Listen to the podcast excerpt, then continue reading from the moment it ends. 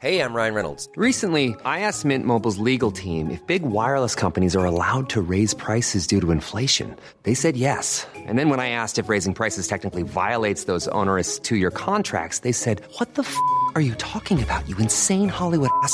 So to recap, we're cutting the price of Mint Unlimited from $30 a month to just $15 a month. Give it a try at mintmobile.com slash switch. $45 upfront for three months plus taxes and fees. Promo rate for new customers for limited time. Unlimited more than 40 gigabytes per month. Slows. Full terms at mintmobile.com. Hey, it's Ryan Reynolds, and I'm here with Keith, co star of my upcoming film, If, only in theaters, May 17th. Do you want to tell people the big news? All right, I'll do it. Sign up now and you'll get unlimited for $15 a month in six months of Paramount Plus Essential Plan on us. mintmobile.com slash switch. Upfront payment of $45 equivalent to $15 per month. Unlimited over 40 gigabytes per month. Face lower speeds. Videos at 480p. Active Mint customers by 531.24 get six months of Paramount Plus Essential Plan. Auto renews after six months. Offer ends May 31st, 2024. Separate Paramount Plus registration required. Terms and conditions apply if rated PG. Burrow's furniture is built for the way you live. From ensuring easy assembly and disassembly to honoring highly requested new colors for their award-winning seating, they always have their customers in mind. Their modular seating is made out of durable materials to last and grow with you. And with Burrow, you always get fast, free shipping. Get up to 60% off during Burrow's Memorial Day sale at burrow.com slash ACAST. That's burrow.com slash ACAST. burrow.com slash ACAST.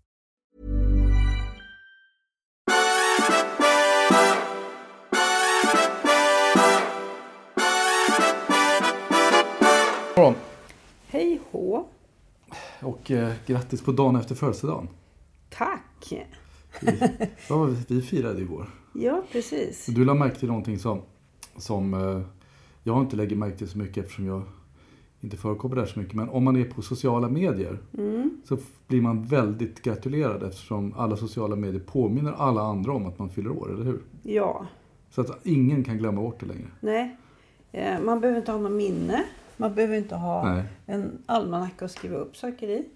Så om det är någon som inte gratulerar er när ni fyller år nu, då beror det på att de verkligen tycker illa om er. Det är, det är bra att Jag veta. verkligen valt bort Ja, ak- att gratulera. aktivt. Ja, Jag skulle ha kommit ihåg det ändå kan jag säga. det är jag väldigt glad för. Mm. Och du är väldigt eh, gullig och duktig på att uppvakta också. Är det? Ja, det är du. Ja, bra. Hitta på små saker och Mm. go- goda saker också. Ja, nu är vi på, sitter vi i sängen på Grand i Lund. Och eh, suger ut de sista, Goda hotelldropparna. exakt innan vi ska hemåt igen. Vår, vår parkeringstid går ut klockan 11, vilket är samma tid som Ulf Kristersson ska träffa talmannen för att tala om att han kanske inte har en regering än. Ja, det kanske inte, där kanske vi inte var så bra planerade. Ja, men det, det kommer väl komma på radion. Vi har ju radio i bilen. Det, Vi har radio. Så vi kan lyssna på det. Vad tror du om det då? Eh, ja, Inte du. parkeringstiden alltså.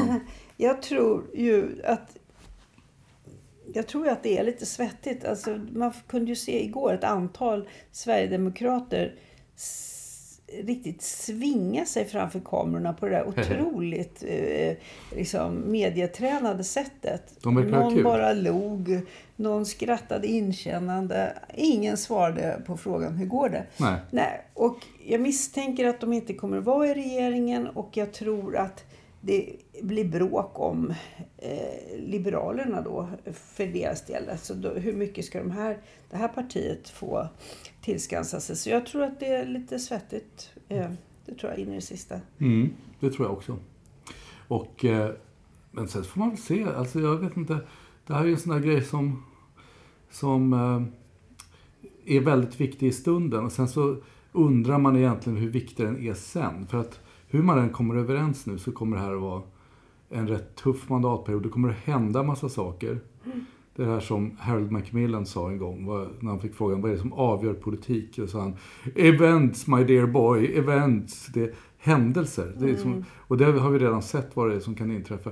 Så alltså oavsett vad man kommer överens om så kommer det dyka upp massa andra saker som man måste ta ställning till och hantera. Och, och sen så när det gäller det här med den ekonomiska politiken och så, så är det ju dessutom så att läget kanske inte är så bra nu. Och göra massa saker bara som man vill. Utan man kanske får lov att hantera krisen snarare.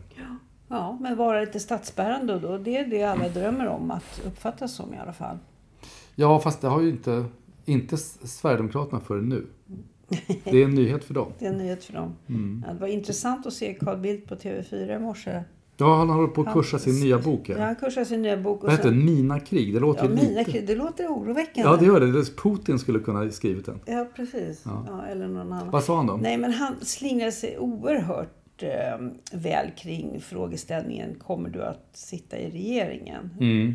Han lyckas inte svara på den frågan. Eh, Mm. Och eh, jag tror att han nog tänker att han inte kommer göra det. Nej. Nu satsar jag hej vilt en och en halv timme innan beskedet. Men att han, som han sa, skulle vara behjälplig på en massa andra sätt. Så att vi förstår väl att han vill... Han kommer att spela någon typ av roll här då. då. Ja. Då vi pratade om det där förut. Alltså Mm. Jag tror inte på honom som utrikesminister i det här läget. För nu måste man liksom ha en utrikesminister som statsministern har kontroll över. Och man har aldrig kontroll över Carl Bildt. Nej. Mm. För Reinfeldt var det helt okej. Han bara lejde ut utrikespolitiken. Men det kan inte Ulf Kristersson göra. Nej. Men- det ska bli lite spännande att se. Ja, det kan nog bli, det Tycker kan nog bli intressant. Eh, en annan sak som jag läste i tidningen är att Jan Emanuel ska byta namn till Jan Emanuel. Är inte det ganska intressant? Oj, vad är det för Han heter, manöver? ju, han heter ju Jan Emanuel Johansson egentligen. Han tar bort sitt efternamn och så gör han Jaha. sitt mellannamn till efternamn istället. Jaså? Ja, det här är en stor händelse i delar av Sverige. Varumärkesbyggande? Ja, och han pratar om det som varumärke. Och sen så sa han någonting om att efternamn bara är borgerliga påhitt i varje fall.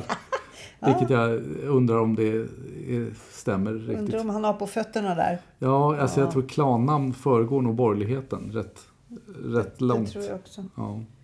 Men, ja, eh, annars är det ju recensionsdag för Claes Östergrens ja, just det. roman. Han har kvar sitt efternamn.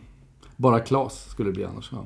Ja, Claes Öster kanske. Kanske Claes Öster. Nej, Claes Östergren är bättre. Nej, men det Vad skriver de då? Du har ju läst den, har du ja, inte jag, jag har läst den. Ja, och tyck- eh, tyckte du jag, jag förstår, jag förstår eh, de här recensionerna Mm. faktiskt. För att de är lite osäkra på vad handlar den här romanen om. Den är ju oerhört välskriven, som Ja. vanligt. Ja. Eh, Den är kul, den är på pricken i iakttagelser. Språkligt jättebra. Men jag tror, jag tror att den här romanen handlar om ja, så att säga folkhemstryggheten. eh, Mm. Och eh, att den i sig är helt orimlig och inte fungerar. Och det är det som gör att, utan att eh, spoila för mycket här nu, att, att livet bryter samman eh, för huvudpersonerna i de här böckerna, i den här Mm. boken. Den är, alltså det handlar egentligen om att eh, livet inte kan vara tryggt. Mm. Då är det inte livet, Mm. utan då är det en konstruktion. Ja. Och den konstruktionen har gjort de här människorna väldigt olyckliga.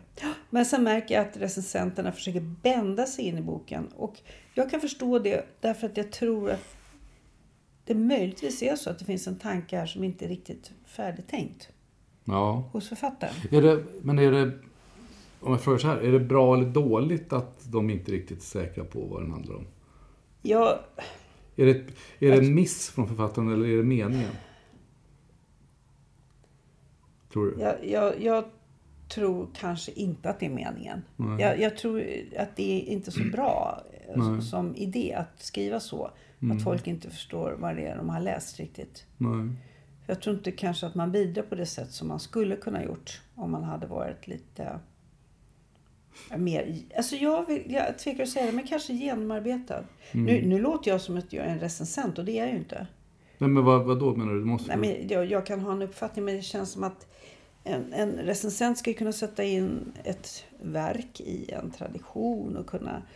ge- ja, det var länge sedan. Okej då. Det nu är det bara folk som läser böcker och tycker till. Men du, eh, jag tycker det är intressant här, jag har ju inte läst boken än, men det här som du berättar om att, att det kanske är, eh, handlar om välfärdsstaten och sådär. Och, och, eh, Folkhemmet, Folkhemmet, ja, kanske snarare. Ja.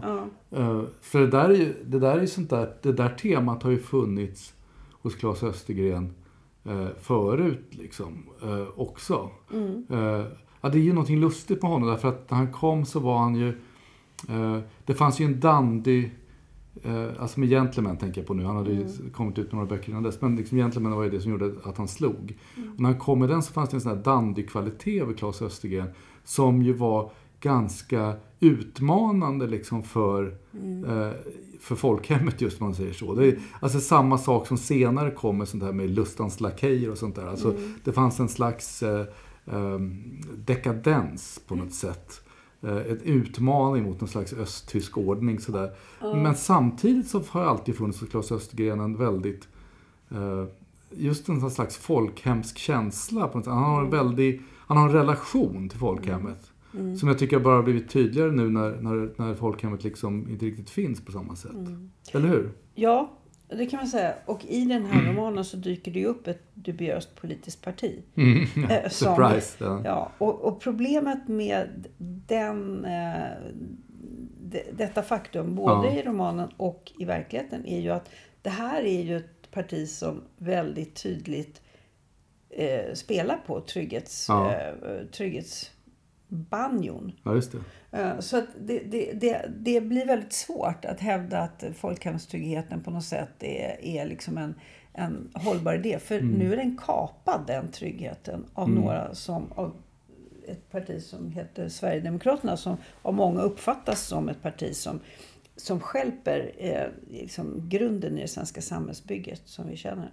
Så att, och det är nog där som idén inte riktigt är genomförd, Alltså, det, tänker jag. Ja.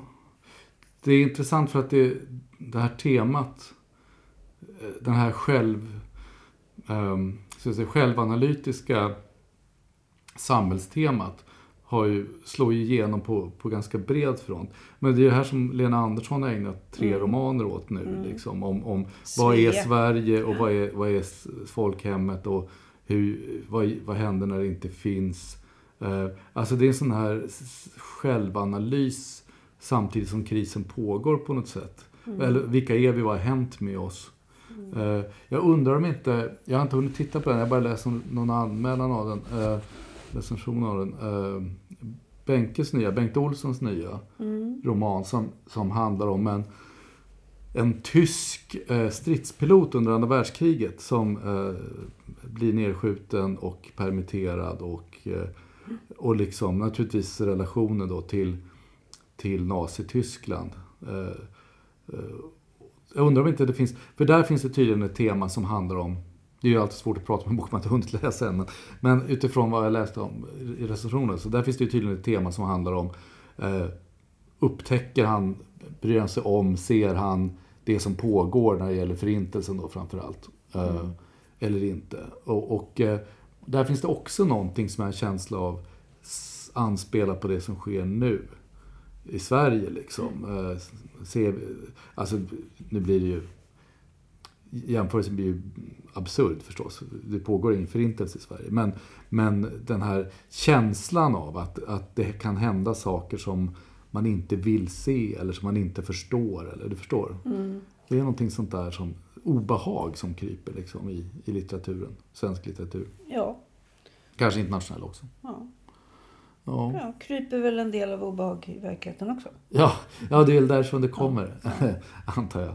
Antagligen. Men annars så har jag nu eh, eh, tag, tagit... Jag vet att vi har en, eh, en lyssnare som undrar hur det har gått med den heliga Birgitta och hennes... Eh, och läsningen av henne, inte minst Stolpen. Och nu ska jag berätta hur det har gått. Ja, trevligt. Ja, nej, det som jag tycker Stolpe gör väldigt fint är att han, han vädrar ju sin, sina, så att säga, dubier om henne. Det gör alla som jag har läst nu, de här sju, åtta böckerna. De, de har så otroligt svårt för att eh, omfamna henne som person. Det, det, det är någonting hos henne som stöter i alla kanter.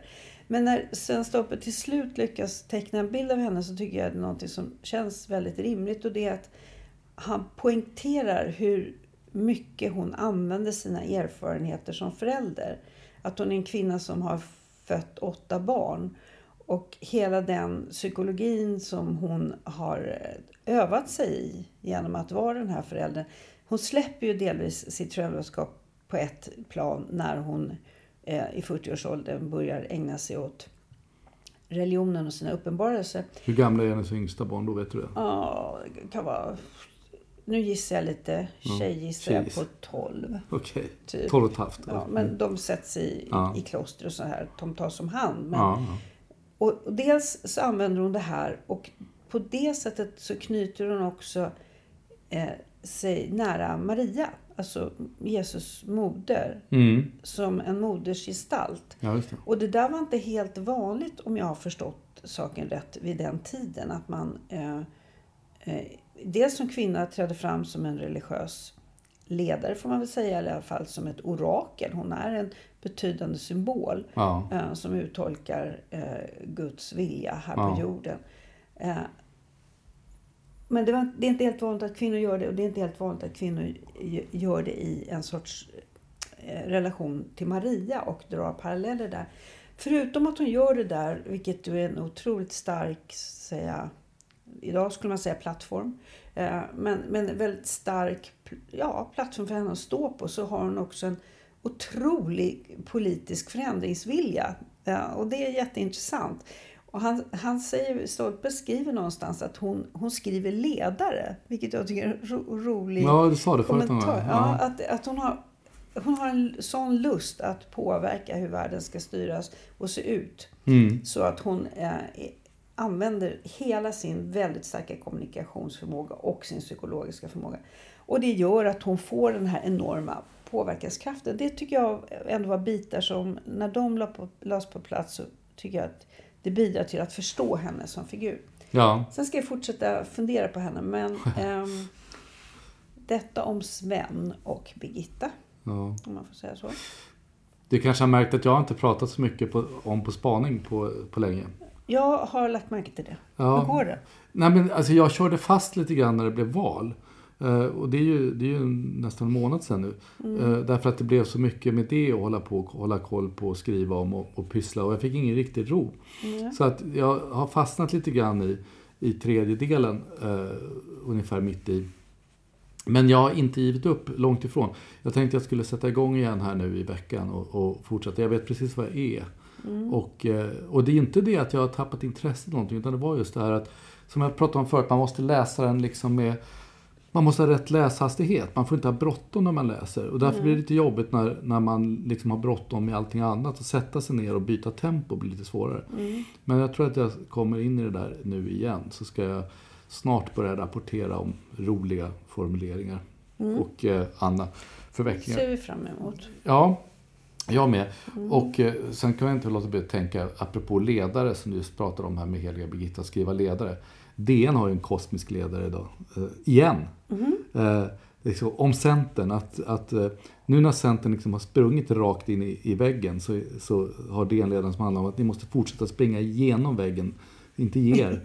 Att Centern ska fortsätta som förut. Aldrig, så någon, finns en sån här fin formulering om att nu säger en del centerpartister att de måste återgå till borgerligheten, men det är ju obegripligt för det är ju borgerligheten som har avvikit. Centern står ju kvar. Och säger, alla andra går i otakt, utom DN och Centern. Utom Centern. Ja. Och, och, och får, får man klart för sig vad DN önskar sig för partiledare då?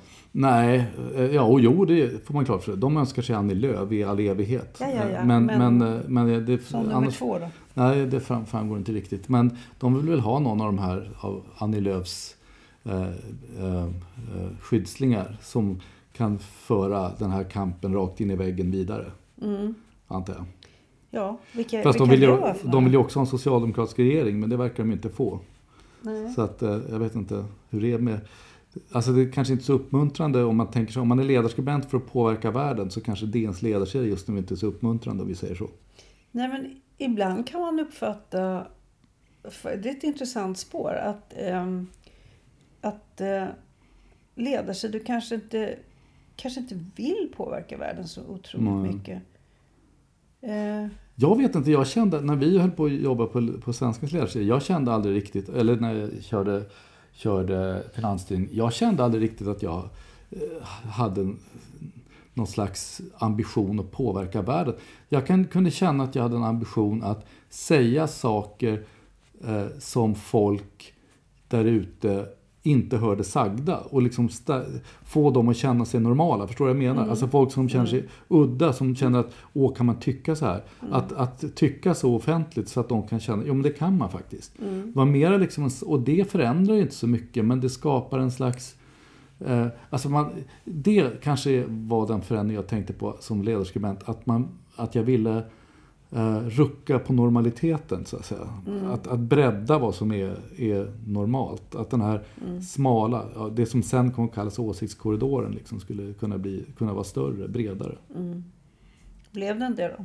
Jag vet, jo men det blev det. Men, men inte kanske, ja, jag hade väl kanske någon del i det och du också. Men, men det var väl en allmän, alltså det som hände, det som har hänt under de senaste 20-30 åren är ju att, att det går ju inte att ha liksom ett monopol på ett samma sätt som man hade förut. Därför att det finns så mycket internationella kopplingar, det finns alla kan publicera sig rakt ut i etern på gott och på ont och sådär. Så att det går ju inte riktigt att, eh, att, att upprätthålla den där. Alltså det, korridoren har, har väldigt porösa väggar liksom, även om Den den finns. chanserat. Ja, eller jag vet inte, det är väl en förbättring egentligen. Men, Ja. men, så jag skulle inte säga att den chanserat, men den har kanske blivit lite porös just. Det var lite ironiskt bara. Ja, jag vet det, men det var inte... Det Det var fungerade inte, det var inte. Det var fel. Det var fel. Du, någonting som jag kände mig lite ironiskt leende var när jag läste vad, Anders Olsson i Svenska Akademin hade kommenterat eh, Nobelpristagaren i litteratur med orden Förra året blev den utomeuropé, nu blev det en kvinna. Ja, ja, det. Eh, alltså jämförbara storheter. Ja, Utom konstiga människor. Kon- eh, blev ett det avvikelse från normen. Nästa år kanske det blir en utomjording. det kanske blir en utomjording. Men tack Anders Olsson för en eh, det tankeväckande lite- formulering i alla fall. Jag tror att om man ska hitta ett ord i deras ordlista så kanske aningslös kanske passar på det där. Eller någonting sånt. Ja, ja. Ja, Jesus. ja. Det är snille och smak, jag vet inte. Annars var det ju intressant att höra på en diskussion i, i eh, Sveriges Radio igår som gick ut på att eh, Sveriges Radio borde bli bättre på att vara Sveriges Radio och inte låta sig shanghajas av politikerna. Ja, eller var, var det inte, gick inte, det var var det? den här med Hanna Stjärne och, och eh, Nej, det var inte Nej. Hanna Stjärne. För det var... Eh, eh, Rödö. nej, det nej. var inte heller. Det var Sveriges Radios ehm, eh, VD. Ja. Silla Bänke. Silla Bänke, ja. Silla det. Bänke De och heter. Sven Och Hagströmer. Sven Hagströmer. Finansmannen. Den förtjusande Sven Hagströmer. Som hade vi- skrivit tillsammans med Björn Rosengren Ja, på DN. Debatt om att det var förskräckligt. De här hoten mot public service är så förskräckliga. Ja, alltså vi känner ju både Sven och Björn och tycker mycket om dem. Men ibland så känns det som det blir lite olyckligt när de, när de ska, eh, eh, när de ska utöva sin kärlek till politiken. Analysera politik. Ja. Alltså jag förstår, det där inslaget var ju väldigt kul därför att det handlade egentligen om ett, att Sveriges Radio är fantastiskt. Två, att det borde bli ännu mer fantastiskt. Och sen så hade de bjudit in två personer som höll med om det här. I, och sen tävlade de om, om vem som höll med mest om det. Ja, och Silla Bänke sa upprepade gånger att, att hon höll med Sven. Den, jo just det, de verkade vara väldigt eh, Två, bekanta two peas in a pod. Ja, och sen så satt en stackars programledare, jag kommer inte ihåg vem det var, som, som i och för sig då får väl ta ansvar för att det är han som har dragit ihop det, eller hans producent. Men som till slut fick liksom lov att försöka vara lite självkritisk, vilket ju inte riktigt, jag vet inte. Alltså om man, ska, om, man nu, om man nu känner att man vill argumentera mot public service så tycker jag det där inslaget gav rätt mycket Det gav mycket krut, kött om på så. benen. Ja. Jag, först, jag förstår liksom, de var så otroligt onyanserat. Därför att liksom det Sven säger eh, är, alltså varenda tanke på en reform av public service är liksom någon Ett slags hot. övergrepp och ett hot. Tycker, det tycker jag verkar väldigt Det, oanalyserat. det här är ju ändå Sveriges rikaste medieföretag. Ja, Med en, med en kran som alltid står öppen. ja. Och, sen, och, och, och, liksom den här idén om att public service är någonting annat än de som gör public service. Det finns ju massor med intressanta saker att diskutera. Jag tycker public service gör jättemycket bra grejer. De gör också en hel del dåliga grejer. Och ett av problemen de lider av är ju den här eh, eh, skrå, skråmentaliteten. Överskattningen av ens egen betydelse. Eh, alltså, jag pratade med eh, Ulf Adelsohn för några dagar sedan. Och han är ju alltid arg på någonting, oftast journalister. Men han sa ju någonting som jag tyckte var ganska intressant och det var ju det här att han, han sa att, att eh, årets valrörelse, där hade journalisterna eh, kallat in partiledarna till husförhör. Liksom. De kallar upp dem, kollar om de kan någonting och slår dem på fingrarna om de inte kan det. Och, och det, det där har han ju rätt i. Alltså, det är liksom ytterligare ett steg i det här, journalisternas roll som präster. Eh, och det där finns det ju massor med intressanta saker att diskutera. Och ingenting av det där förekommer i det där inslaget. För allting pratades om public service som någon slags abstrakt... Det var, som, det var som en teologisk diskussion. Det var som om public service vore Gud på något sätt. Ja, Ja. ja, ja. Ni kan lyssna själva. Det finns säkert på någon av public service alla utomordentliga kanaler. Mm. Eller där poddar finns. Eller där poddar finns kanske. Ja, det är möjligt. Du, vi börjar dra över tiden här. Vi måste släppa folk. De måste väl arbeta också och, och, och göra lite nytta. Absolut. Tror du inte det? Jag tror det. Ja. Så vi får säga tack för idag. ja, vi får säga tack för idag. Vi hörs inom kort igen. Yes. Bye, bye. Hej.